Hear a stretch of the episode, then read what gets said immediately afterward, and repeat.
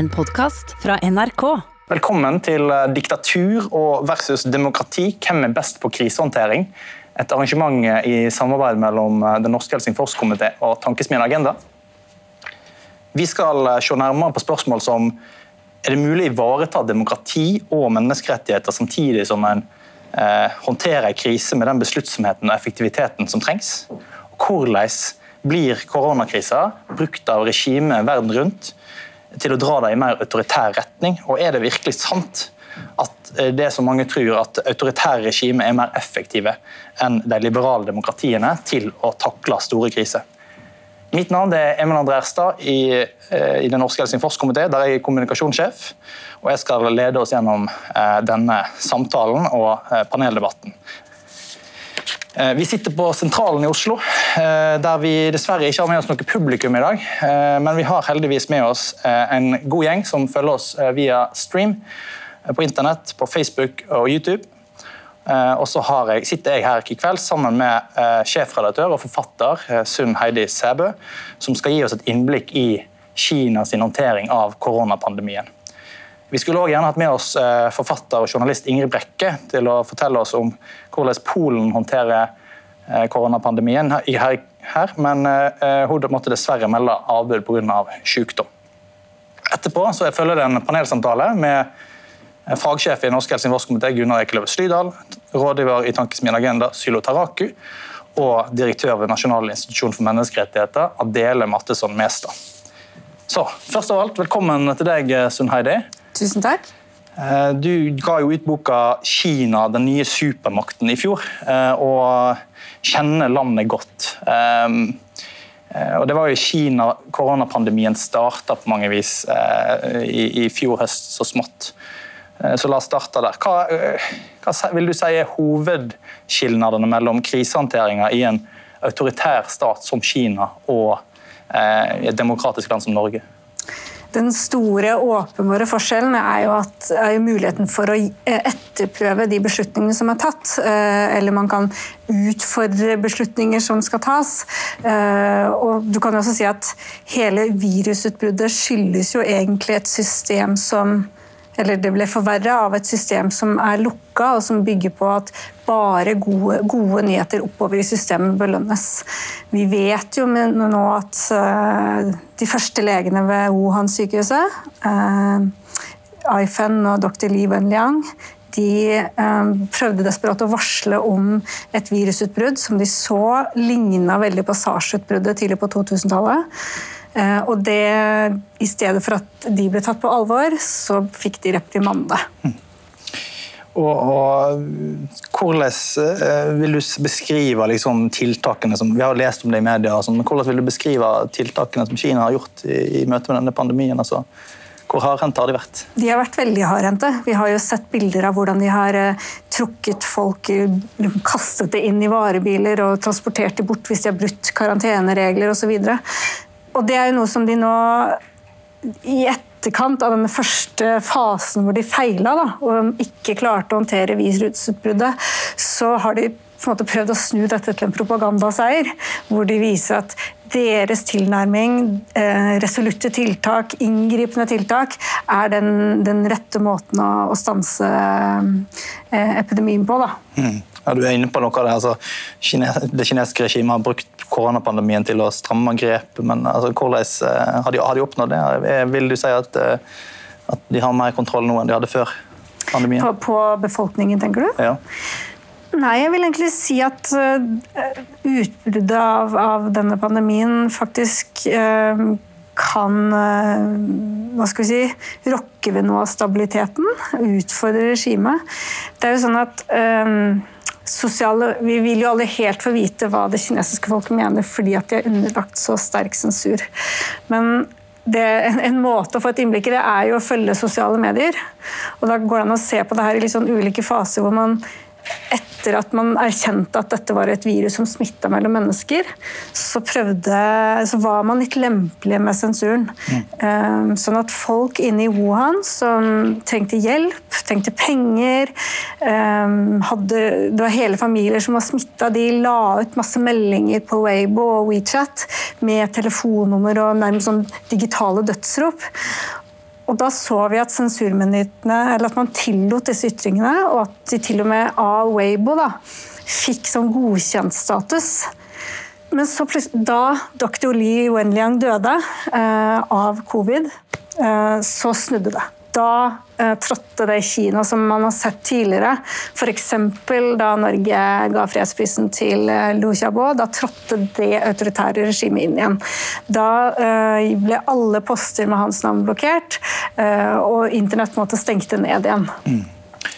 Og De siste dagene har vi hørt at, eh, at det nye, nye virus eh, tilfeller rundt omkring, i, bl.a. også i Wuhan. Eh, har Kina kontroll, eh, sånn som du ser det i dag, eller? Jeg, jeg er liksom, vi skal ikke miste mistenkeliggjøre Kina for alt. Jeg tror at de oppriktig forsøker å, å, bekjempe pandemien. Og jeg tror også at de er ganske transparente på tallene, faktisk. Uh, og det at det kommer en ny bølge av smitta i, i Kina og i Wuhan, er ikke så uventa eller så, så rart. Da. Mm. Um, men det som uh, er interessant, er jo kanskje at de dette forsøket på å gjøre deres bekjempelse av pandemien til en seier, det fikk nok en liksom, rekyl. da. Mm. Mm. Og Det er jo vært en del snakk om, om Kina som da prøver å, å, spre sitt autoritære styre til andre land i, i, i verden. Og, og, Vi har jo sett autoritære statsledere i Europa som har uh, snakket om det kinesiske uh, styret som et forbilde. Uh, og hvordan vil du si at, at Kina i, liksom i, forbindelse med denne koronapandemien og krisehåndteringen eh, jobber med det narrativet om at de autoritære systemene er mer effektive? De eh, bruker denne krisen for alt det er verdt. Man skal jo som kjent ikke la en krise gå fra seg. Um, og det, akkurat det du er inne på der, er noe vi kommer til å se mer av. Eh, Kina er nå veldig oppsatt på å selge sin modell sitt styresett. Fordi jeg var som hatt gleden av å lese president Xi Jinpings eh, bestselgende bok, eh, 'Governance of China', 500 sider, så står det igjen og igjen, det er et bærende poeng gjennom hele denne boka, hvordan Kina er en suveren stat. Den har eksistert i 5000 år. Og eneste perioden det gikk dårlig med Kina, var, var da de lot seg påvirke av vestlige ideer hint, hint, f.eks. demokrati og den type ting. Eh, da gikk det veldig dårlig. Og så bruker de nå sin økonomiske makt, eh, sine voldsomme infrastrukturinvesteringer, som dette verdenomspennende Silkevei-prosjektet, til å kjøpe seg politisk innflytelse. Eh, og da er det jo selvfølgelig veldig lett denne kombinasjonen av teknologisk utvikling som vi På den ene sida så sier vi Oi, det var veldig skummelt at de har ansiktsgjenkjenning og dette eh, sosiale kredittsystemet. Men så er vi litt beundrende, og så, og så er det sånn at folk sånn, altså disse eh, Ungarn, eh, de landene, de, og Serbia ser vi eh, får stadig mer kinesisk innflytelse. Sånn som I Serbia så har man jo sett kinesisk eh, politi. Mm, nettopp. Og, og, Eller sikkerhetsvakter. Ja. ja, riktig. Og hvordan opplever du da at, at, eh, den kinesiske befolkningen stiller seg til, den, eh, til det narrativet eh, om, om, om, om, at autoritære er mer effektivt i kampen mot denne type pandemier? De har jo da, ved at de har klart å lukke internett, egentlig, skapt fostra generasjoner med veldig nasjonalistiske kinesere. Sånn at hele, alle disse månedene hvor f.eks. opptøyene i Hongkong varte, så var det ingen støtte for de, de, demokratiforkjemperne der. Eh, tvert om. Men da er vi litt tilbake til derfor, hvorfor jeg tror eh, denne koronapandemien faktisk kan være litt mer utfordrende. Ikke i den forstand at det kommer til å velte regimet eller noe, men eh, vi så jo f.eks. da eh, Kinas visestatsminister var i Wuhan, eh, så ble det ropt skjellsord fra balkongene og bak buskene i parkene. og det ble lagt ut ganske mange videoer på sosiale medier av det. Eh, og som da Xi Jinping kom på besøk til byen noen dager senere, så var man veldig påpasselig med å plassere ut uh, vakter uh, og sivilkledd politi i nabolagene, sånn at det ikke skulle bli ropt den type slagord. Mm. Men uh, Xi adresserte faktisk det i sin egen tale da han var i byen. Han sa 'jeg forstår at dere er sinte'. Så dette kan bli utfordrende. Så skal vi huske at 2019 var ikke et så bra år for Xi Jinping. Kina hadde den svakeste økonomiske veksten på 29 år. Og man hadde da disse demonstrasjonene i eh, Hongkong. Og denne konflikten med USA blir jo ikke bedre av, av den situasjonen nå. Ja, og den, og den, konflikten med USA det er jo et farlig spill som pågår nå mellom USA og, og Kina. og når det gjelder å gi skylda på hverandre nesten for hvem som eh, eh, har, står bak denne pandemien. Eller, hvem, eller, håndteringen av den, i alle fall. Og, og, og, er dette vil du si, den nye normalen? At USA og Kina er i konflikt og svekker internasjonalt samarbeid på den måten de nå, de nå gjør, istedenfor å samarbeide om å løse en så stor utfordring som. Nå virker det jo som USA er veldig oppsatt på å svekke det internasjonale samarbeidet, helt uavhengig av Kina.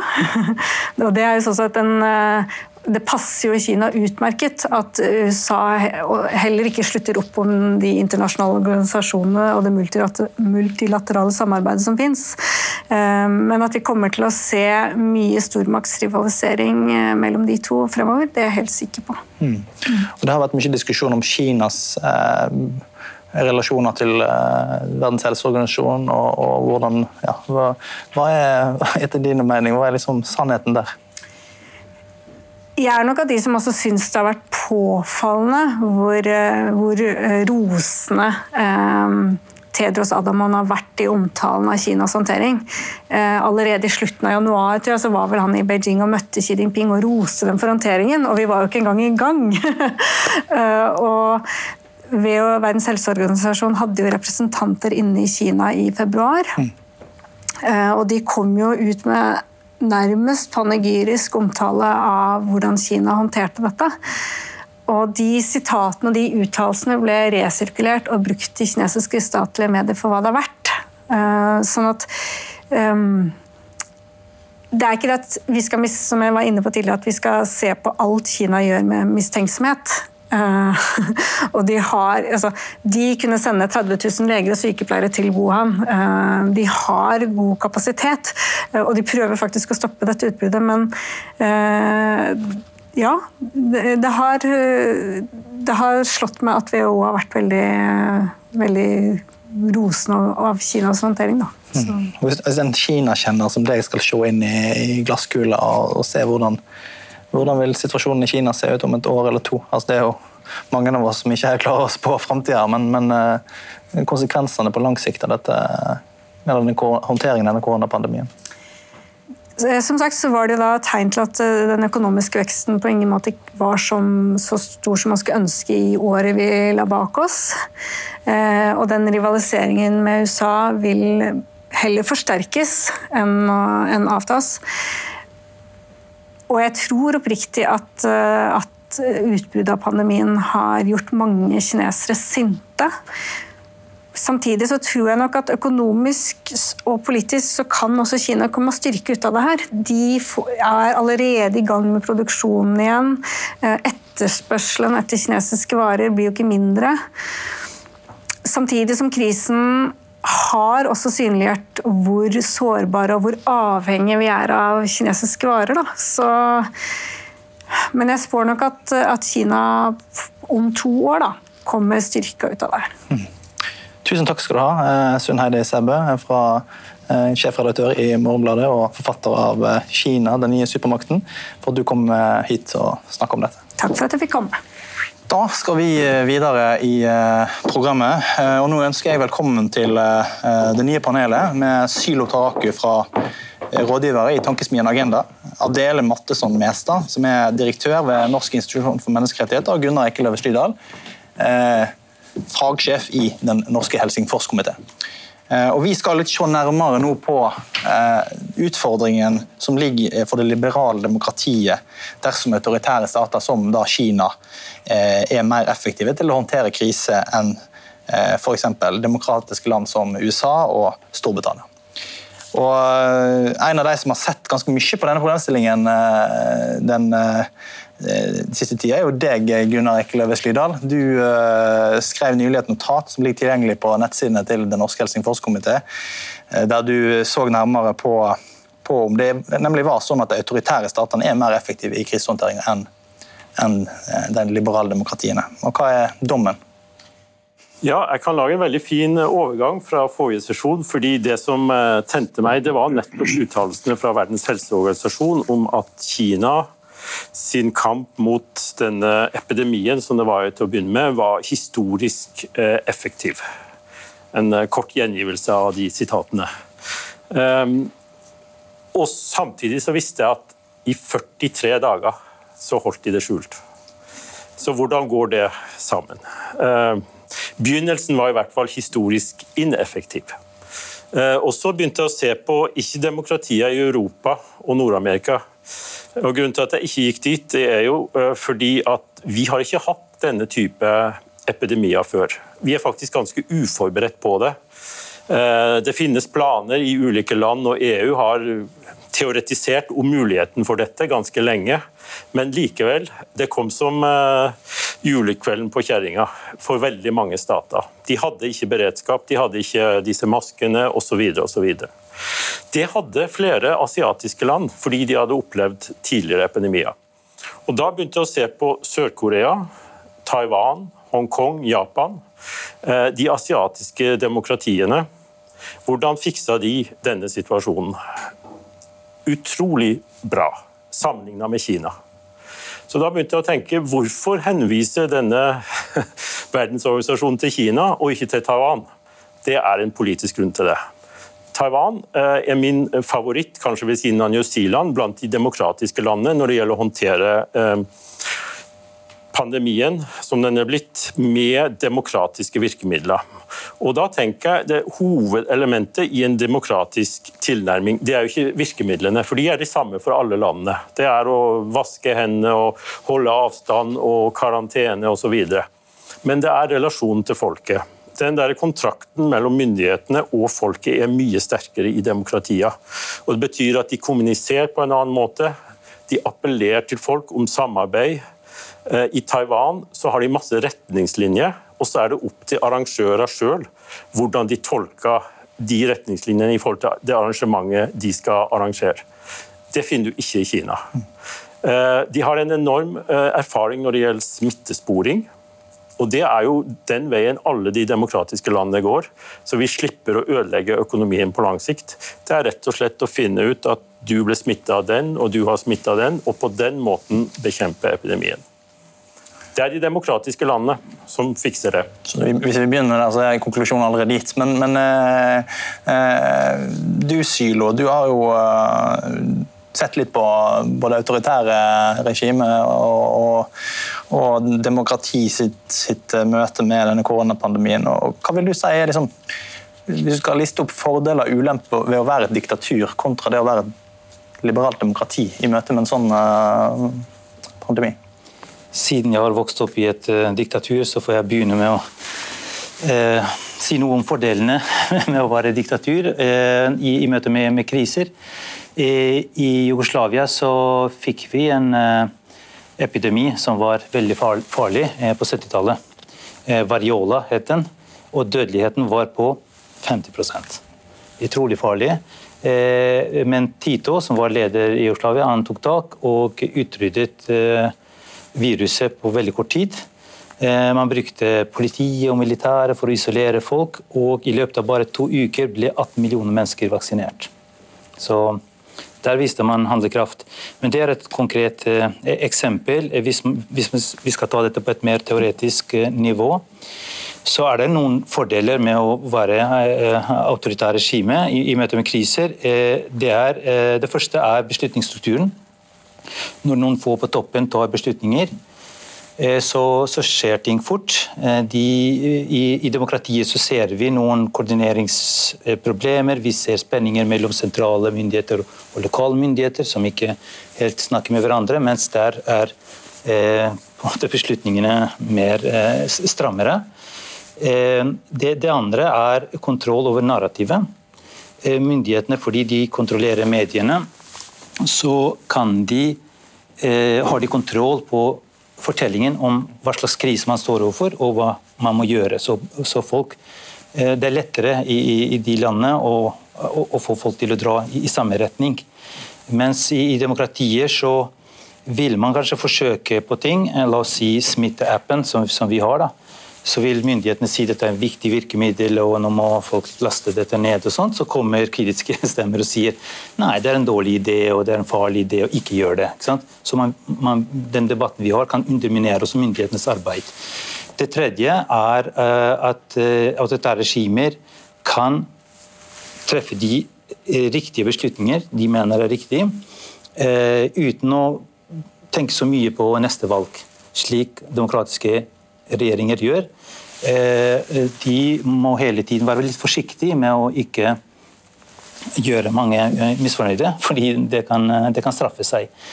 Så man ofte vil da ta de nest beste valgene, eh, fordi man må kompromisse og gjøre flere fornøyde. Så, så det er jo noen eh, fordeler autoritære regimer har. Men så eh, Hvorfor er demokratiene best, da? jo, det er jo fordi eh, pga. åpenheten. Den åpenheten og ytringsfriheten vi har, gjør at informasjonen eh, er mer tilgjengelig, og at vi får eh, dårlige nyheter i tide. Eh, Shunaidi hun nevnte det at eh, kinesiske myndigheter var veldig opptatt av å liksom bare spre gode nyheter. Og Det er ganske typisk eh, i autoritære regimer at man er opptatt av å skryte på at ting går bra. Mens eh, når ting går dårlig, så får man ikke den informasjonen. Mens i, i demokratier så gjør vi det, og vi kan justere kurs og vi kan unngå å gjøre store feil. Og Historisk så har demokratier unngått flere feil enn autoritære regimer. Eh, og Det andre, som er helt avgjørende, er at eh, vi eh, demokratier har bedre evne til å komme tilbake til normal situasjon. For det vi gjør nå som demokrati, vi ligner litt mer på autoritære regimer. Vi suspenderer demokratiet litt. Vi eh, har eh, veldig innskrenkende tiltak. Vi reduserer vår frihet. Men vi kommer tilbake til normal situasjon, mens autoritære regimer, når de har unntakstilstand, ofte så forblir de der. Et eksempel på det er Egypt, da, hvor man forsøkte på demokrati. Og så ble det polarisering. Hæren grep inn og tok, tok, over makten. Og så har man den unntakstilstanden fremdeles der. Mm. Men Erna Solberg, når hun ber om ekstra fullmakt, så har hun ingen ambisjon om å bli som Al-Sisi, forhåpentligvis. Så, så, De autoritære regimene har tre fordeler, mens demokratiene har to fordeler. Det, jeg kunne nevnt flere fordeler. for ja, ja, Vi får ta det senere. Eh, Adele Madsson Mestad, du, da Stortinget i slutten av eh, mars eh, skulle vedta kriseloven, så var det jo mange som eh, ropte høyt om risikoen for at demokrati og menneskerettigheter kunne havne i karantene. Eh, og, og, Da gikk de ut etterpå og sa at, eh, at den lova som var vedtatt, eh, at kritikerne heldigvis tok feil om det. da. Og nå i dag, to måneder etterpå, hva er dommen din om det? Det er mange ting å si om det, men det ene er jo nettopp det som de begge har pekt på, at det var en åpen debatt rundt et forsøk på å gjennomføre en kriseberedskapslov som gikk etter mange syn litt for langt. Det er jeg enig i.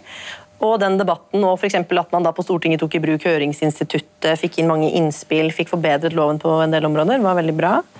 Når det er sagt, så tilhører nok jeg dem som tenker at utgangspunktet der var for skrevet med glassklar tekst at alle menneskerettigheter skal ivaretas gjennom denne krisen.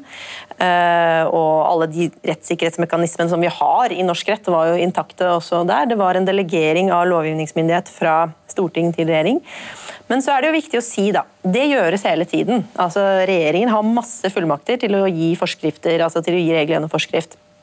Hvis man ser på bruken av koronaloven nå gjennom denne krisen, så er jo det meste av reguleringen gjort gjennom de fullmaktslovene i utgangspunktet. Og de hardeste, der er det massen vedtak som er fattet, men de hardeste og mest inngripende tiltakene de er gitt gjennom den loven som heter smittevernloven, som fantes fra før, som er en ganske bred beredskaps- eller fullmaktslov i smittetilfellene.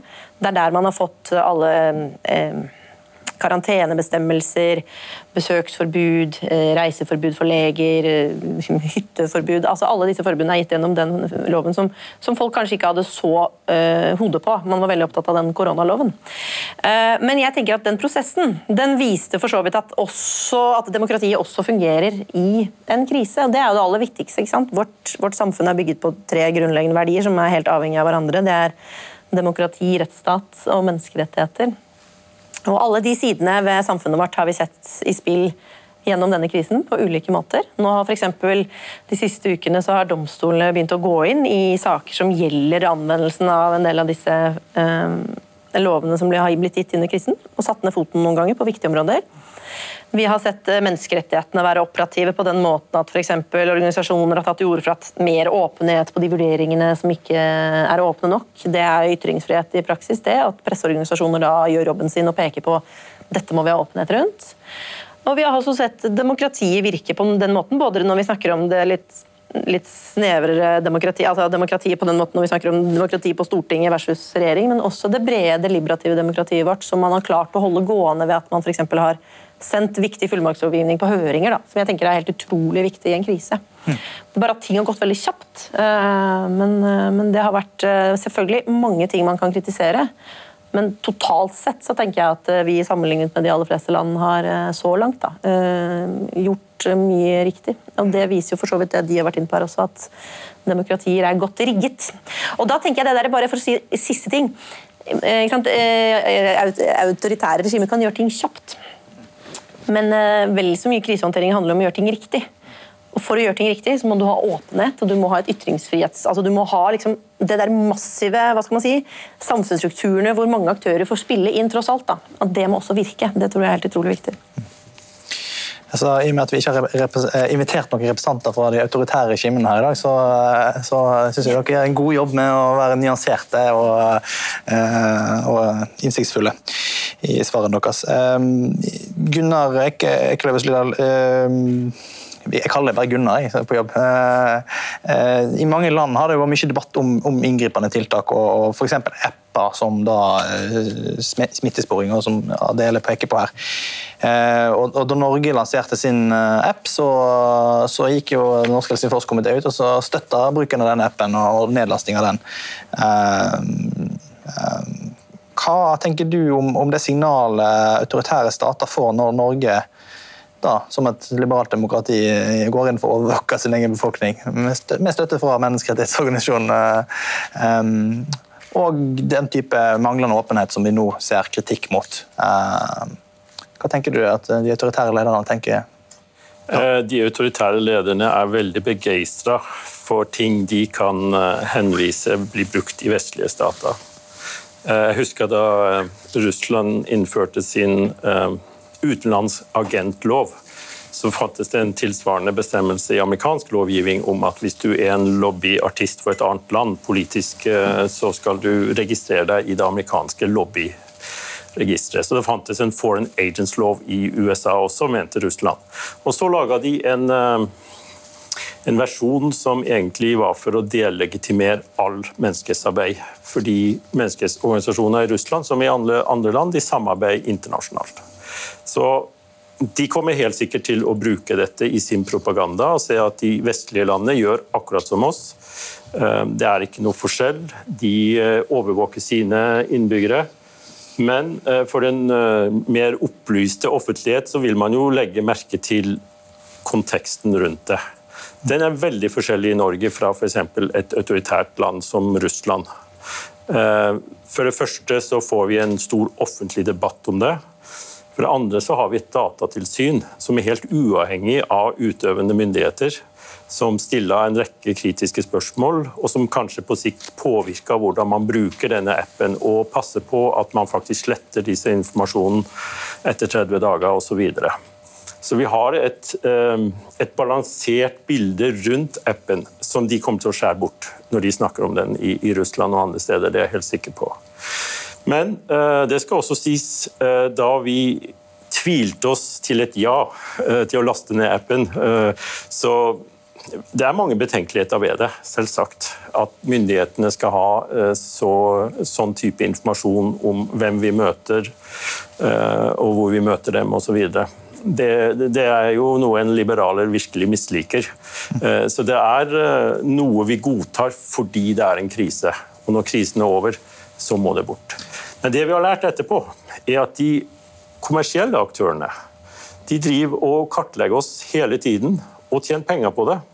De selger altså informasjon om uh, våre bevegelsesmønstre eh, til så business osv. Der har vi kanskje et eh, enda mye større problem i demokratiene. Mm. Jeg har lasta ned 29 apper med, med sånn, som registrerer hvor jeg er, hvis jeg ikke slår de av. Så de har kontroll på deg?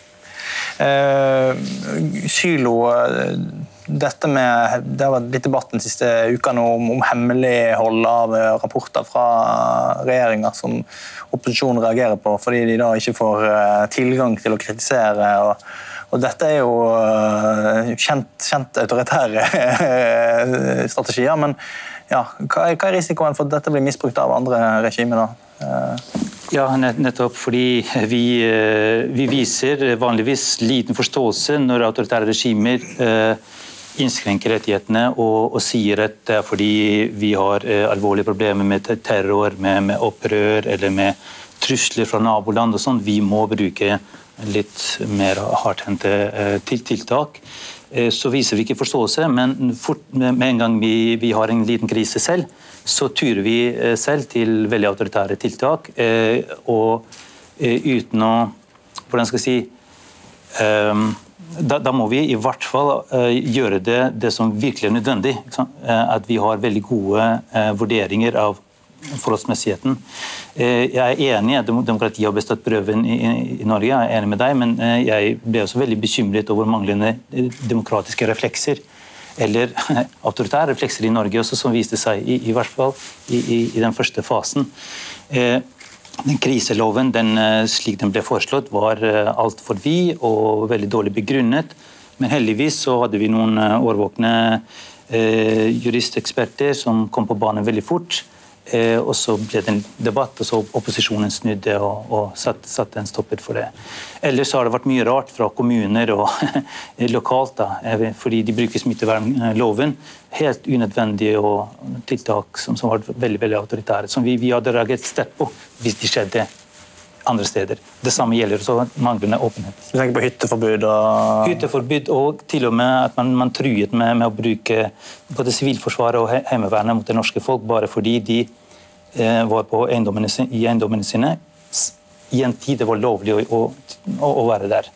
Så Det sier noe om uh, hvor eh, gærent det kan gå, hvor galt det kan gå i, under kriser.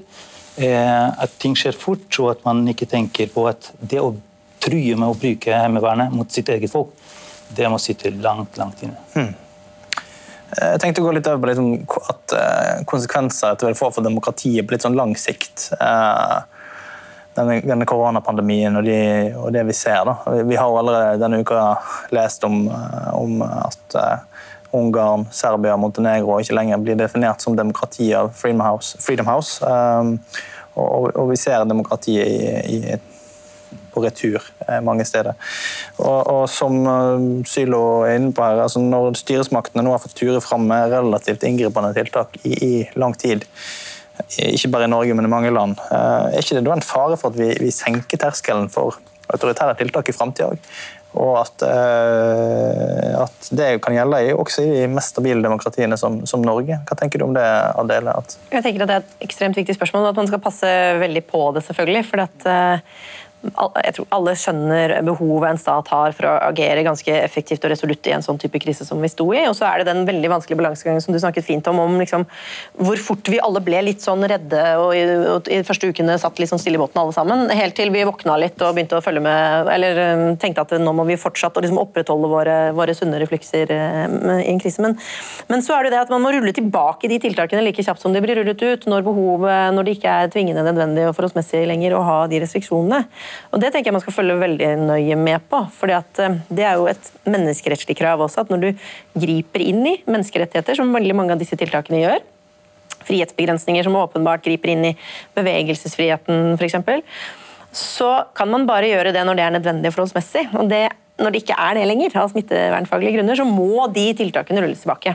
Nå for eksempel, eh, tenker jeg at Man skal være, følge veldig nøye med på hva som skjer i institusjoner, tiltak overfor eldre, funksjonshemmede, en god del veldig sårbare grupper som har hatt det ekstremt krevende i denne perioden, mye mer enn det vi andre har hatt. Og følge med på at man nå setter inn ganske mye ressurser for å kompensere for det.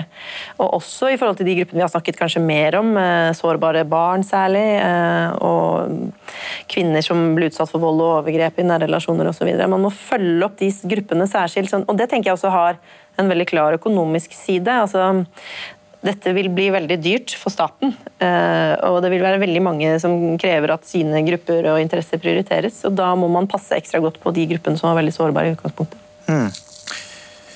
Um, og, og sylo, altså Demokratiet på, er mange, på mange steder i verden nå på hell. Det var 14 år på rad vel, med, med tilbakegang i liksom, den totale mengden demokrati i verden, hvis vi kan si det sånn. Uh, allerede før koronapandemien.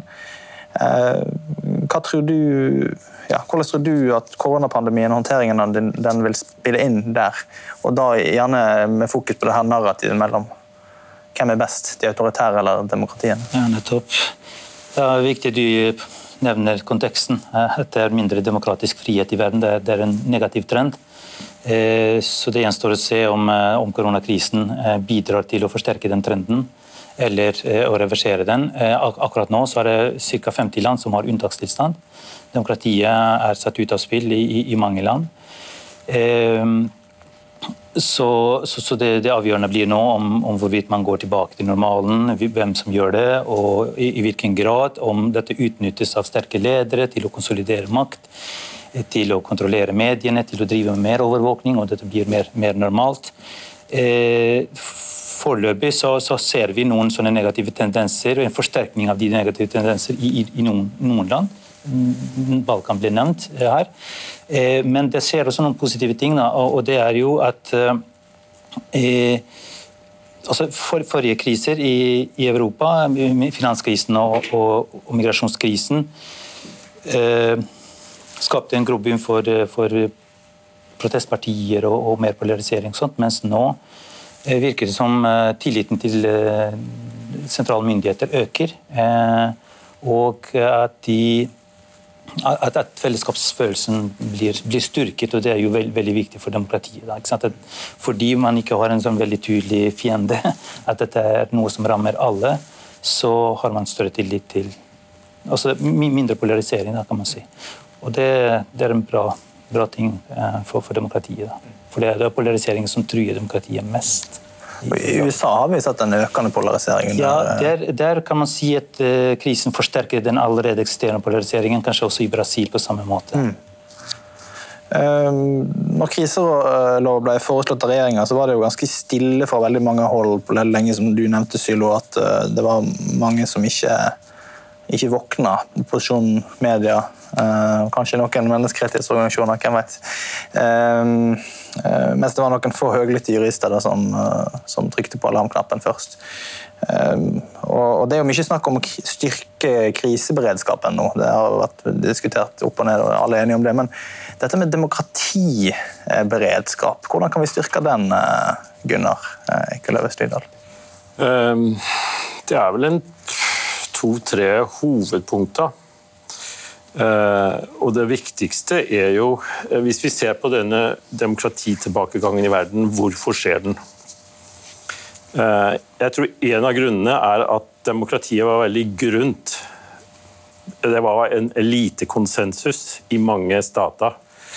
Kanskje litt sånn pådytta fra Vesten, fra EU, fra USA. Følg disse reglene, så får dere støtte. Så for å ha en beredskap, så må du ha en mye dypere forankring av demokratiet i folket. Og det kan faktisk hende at en sånn krise som dette også kan føre til det.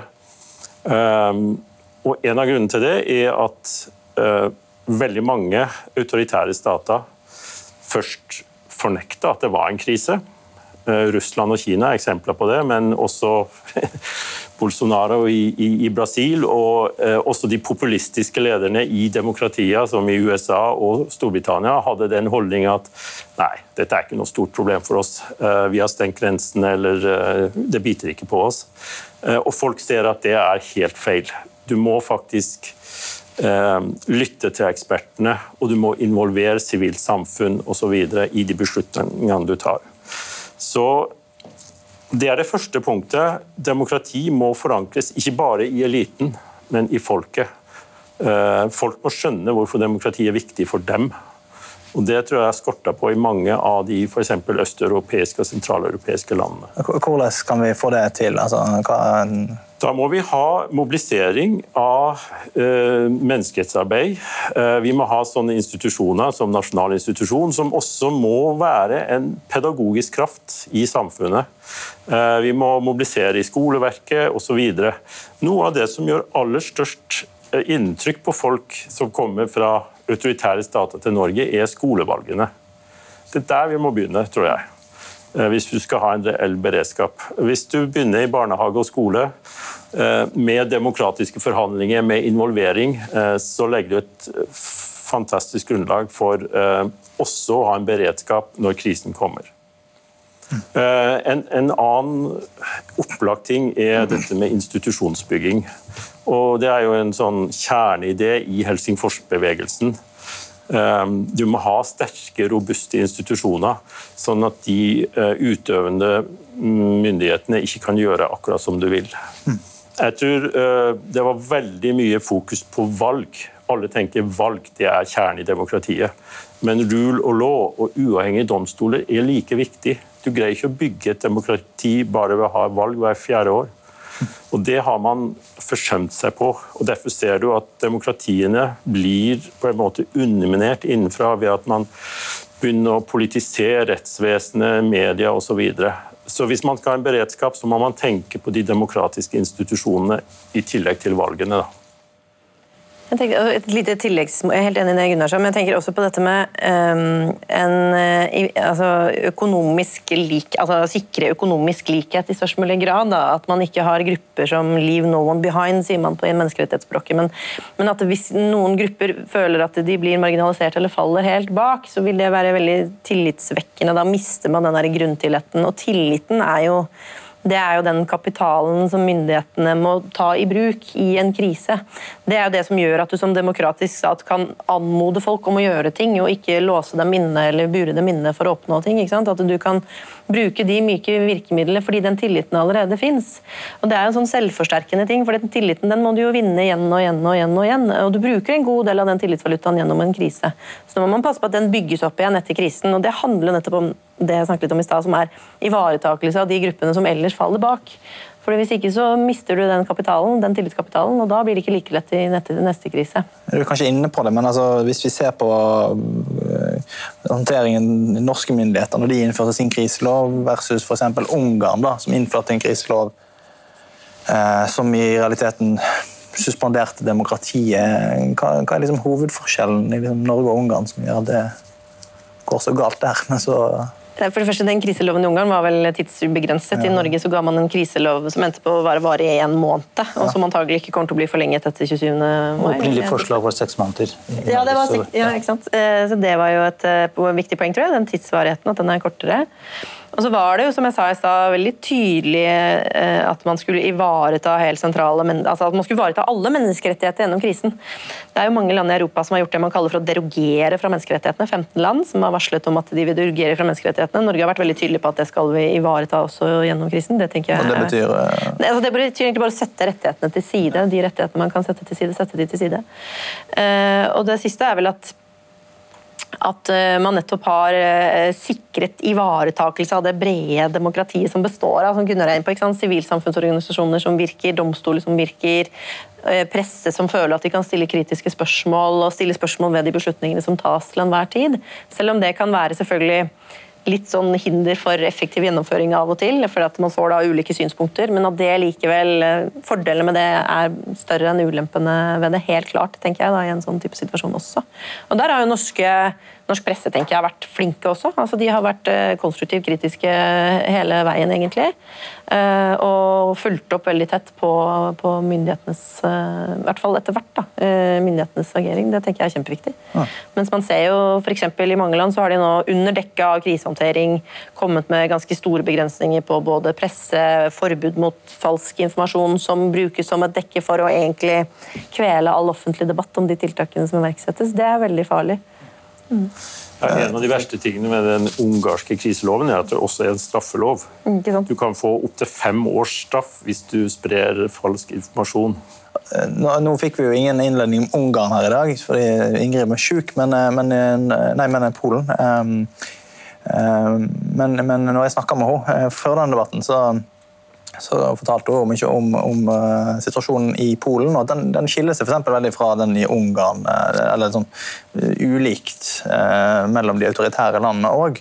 Og, og det, det, får oss jo til å lure på om det er, er det, liksom, det store skillet går det mellom de autoritære regimene som vi spør her i dag, eller, eller går det mellom andre faktorer? Befolkning, hvor sterk staten er, geografi uh, lynne til statslederne. Altså, hva er det, Sylo, som er nå Fokuset vårt her er veldig på, på institusjoner og demokratiske prosedyrer og sånt. Uh, uh, bare for å kommentere først det Gunnar sa om demokratisk bevissthet. Jo, det er viktig, men, men i møte med kriser så vil ikke folk bry seg så mye om, om personvern, f.eks., om prosedyrer i, i domstoler. De, de, vil, de, vil, støtte myndighetene i å håndtere krisen og, og løse de, de store, reelle utfordringene. mens da, da, vi, da, er det viktig å ha nasjonale institusjoner for menneskerettigheter og eh, organisasjoner som, som Helsingforskomiteen og sånn, som kommer på banen og sier nei, eh, vi har tillit, men, ikke, men likevel, eh, dere går litt for langt. Eh, så tilbake til spørsmålet ditt. Eh, hva var det igjen? Eh, jo, altså, er det, Går skillene ja, skillene, ja, nettopp. Altså, det, er, det, er veldig vanlig og i, i denne diskusjonen om liksom, konkurranse mellom autoritære regimer i møte med kriser og demokratiske, så er det vanlig å sammenligne India og Kina. Mm. Eh, India er eh, demokrati i motsetning til Kina, men eh, kommer til kort i, i møte med, med, med, sånne store utfordringer. Eh, fordi de har ikke den samme kapasiteten og den samme kompetanse som, Kina har. For eksempel. eh, så den, eh, De østasiatiske landene som Gunnar også nevnte, de, de, har både kapasitet og kompetanse til å møte kriser og til å håndtere de raskt og effektivt. Uten å respektere menneskerettighetene, men, men de, de, vil selge dette for at de, de er effektive. Så, og, så er det forskjellig grad av legitimitet. Da. Iran for eksempel, har ikke lykkes noe særlig. Og det er jo fordi eh, både pga. manglende kompetanse, men, og, men tilliten i befolkningen er ikke så stor eh, heller. Så de får ikke folk til å, til å liksom følge rådene og, og, gjøre alt det myndighetene sier. Så compliance eh, er eh, tross alt mye, mye sterkere i demokratiske land, som gjør at man må bruke mindre Man trenger ikke ha den kapasiteten som Kina har, f.eks. Sverige. Sverige trenger ikke å endre lover engang. De kan bare si til folk, gi råd, og så vil folk følge det. Mens i autoritære land må man bruke politi og militære og alle de virkemidlene som koster veldig mye for å kontrollere folk. Eh, Gunnar, eh, en viktig del av bildet er jo propagandaen eh, og hvordan de autoritære statene, som da Russland, Kina spesielt kanskje, de som har på en måte befesta sin autoritære posisjon, investerer store ressurser i å vinne kampen om det narrativet at de er mest effektive til å håndtere denne type krise. Um, hvordan bør demokratiske, liberale demokratiske land som, som Norge og andre eh, håndtere det? Hva hva det? Hvordan møter vi det? Er det mulig å møte det? Ja. Um, jeg gjorde en veldig liten sosiologisk undersøkelse i dag. Jeg ringte tre-fire som jeg kjenner helt vanlige folk, og spurte hvem, hvilke land er best til å håndtere koronakrisen. Det, er nok, det er nok diktatur og autoritære land. Så den, ut, den oppfatningen er utbredt. Eh, så sa jeg nei, det stemmer ikke. Um, fordi det er en del demokratiske stater i Asia som har veldig god erfaring og som fikser dette bra. og de eh, selvfølgelig innfører restriksjoner i forsamlingsfrihet og sånn, men de tillatt ytringsfrihet eh, osv. Og de samarbeider med folket og putter dem ikke i fengsel hele tiden. Så demokratiet er bakpå når det gjelder å selge sitt narrativ i denne situasjonen. Eh, jeg tror eh, dette markerer tidsskillet tidsskille i kinesisk propaganda. Jeg har lest eh, en del rapporter om at dette første gang de bruker sosiale medier så aktivt. Vi er vant til at Russland bruker det. Kina er virkelig blitt Kanskje Russland har lært Kina litt der, da. Hva skal de demokratiske statene gjøre? Jeg tror det viktigste er å gjøre krisehåndteringen så godt som mulig. For til syvende og sist så propaganda virker en viss periode, men eh, i dagens verden er det vanskelig å skjule sannheten i det lange løp. Eh, og sannheten er at eh, noen av de som har håndtert dette aller best, de er demokratiske, og de bruker demokratiske virkemidler til å få folk til å gjøre som de bør gjøre. Men det kan godt være at at vi bør bli enda flinkere til å snakke om hvorfor demokrati er bra, også i kriser. Det, vi... det, det, er det Norge bør gjøre, gå ut og snakke om hvorfor demokrati er bra. Ja. Eh, vi bør eh, Vi er jo ikke ferdig med krisen. Eh, men når vi en gang er det og skal gjøre opp status, så bør vi fortelle verden hva vi har lært av denne krisen. Ja, Om åpenhet og demokrati. Ja. Sylo, du... Mange har kanskje trodd at eh, demokratiske land ville aldri eh, gjort så drastiske tiltak som man har gjort. Så, så, denne krisen viser jo at vi også kan være veldig effektive og besluttsomme. og eh, gjøre virkelig drastiske tiltak som lockdown f.eks. Det, det hadde vært helt utenkelig. Mm. Fordi, eh, husk at sånne ting som Migrasjonskrisen har skapt et eh, veldig sånn, dårlig rykte for demokratiske land. At man ikke har kontroll over grensene. Det er kaotisk. og at, eh, mens La oss si land i Midtøsten har kontroll over grensene. Eh, østeuropeiske land har liksom ledd av Sverige og sånt. at de, Det er kaotiske tilstander og, og, og, den type ting. Mens, mens, nå viser man da at eh, jo, demokratiske land også kan rigge eh, i møte med kriser og virkelig ta tak og få befolkningen med seg også. Hmm. Og, og, I, i uh, debatten nå så har dere også snakket om behovet for tillit, å bygge tillit mellom myndigheter og innbyggere. Og, det ser vi jo utslag, ulike utslag på. at, at Er det manglende tillit, så kan det forsterke en krise. Og, uh, men hvordan bygge en tillit? Uh, F.eks. nå hvis en er amerikansk uh, innbygger eller del av det amerikanske samfunnet. Hvordan skal man bygge tillit etter en sånn krise for å håndtere framtidige kriser? Og hva kan vi gjøre i Norge da, for å bevare den høye tilliten som vi har her?